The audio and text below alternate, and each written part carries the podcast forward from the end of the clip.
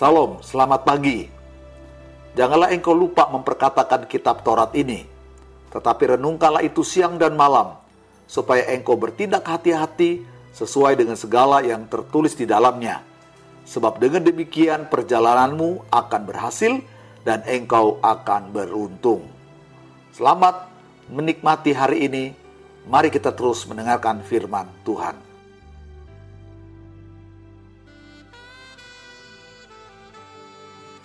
Selamat pagi saudara dikasih Tuhan, salam sehat, salam kemenangan di dalam Tuhan.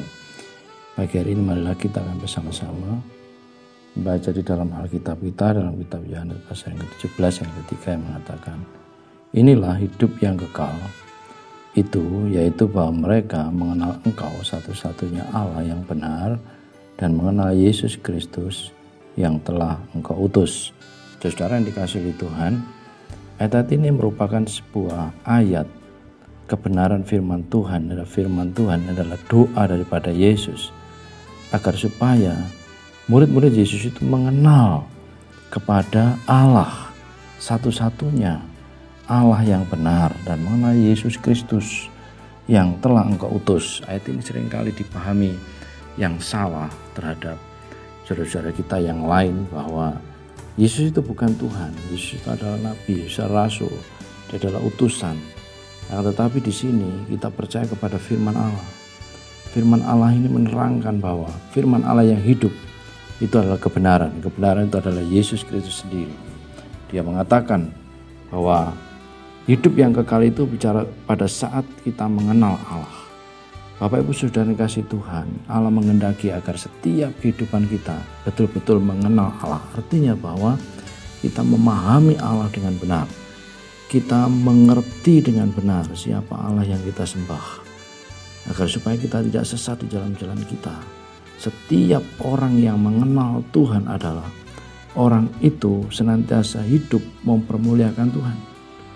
Orang yang mengenal Allah adalah orang-orang yang hidup dalam kekudusan orang-orang yang mengenal Allah adalah orang-orang yang senantiasa hidupnya penuh dengan sukacita di dalam Tuhan. Orang-orang yang mengenal Allah adalah orang-orang senantiasa hidup dalam pemeliharaan Tuhan. Orang-orang yang mengenal Allah adalah orang-orang yang senantiasa dia bisa mempunyai statement di dalam kehidupannya bahwa segala perkara dapat kutanggung dalam dia yang memberikan kekuatan kepadaku.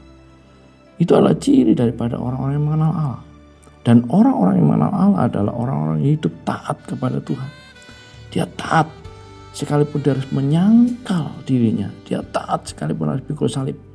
Dia taat sekalipun dia di tengah badai, gelora, gelombang dunia yang menakutkan ini. Dia tetap taat kepada Tuhan. Saudara-saudara yang kasih Tuhan, ini adalah doa Yesus bagi murid-murid bagi murid-muridnya agar supaya senantiasa mereka itu dipenuhi dengan sukacita. Mereka dipenuhi dengan roh yang mengenal Allah. Mereka senantiasa dapat terpelihara di dalam Tuhan dan mereka hidup dalam kesatuan dan persatuan.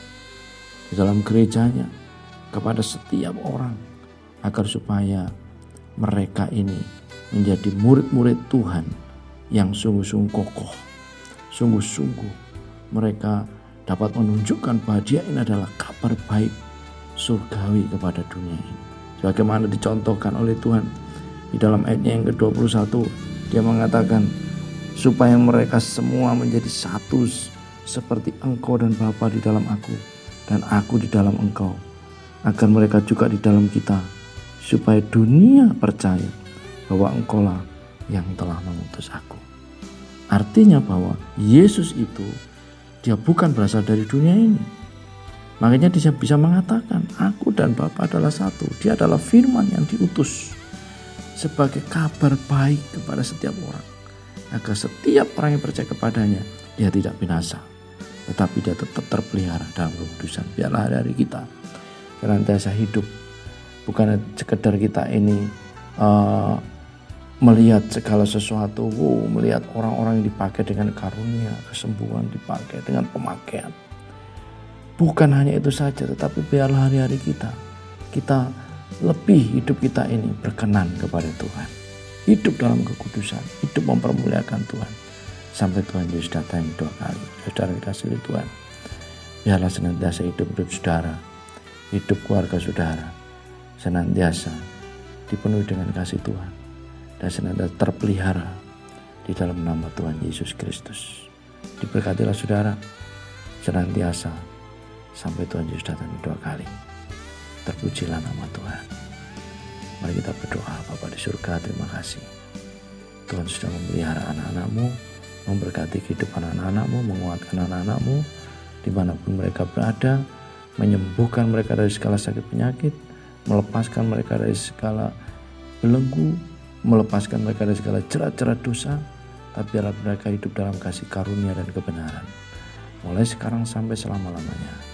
Dalam nama Yesus Tuhan, Juru Selamat kami ajaib. Haleluya. Amin.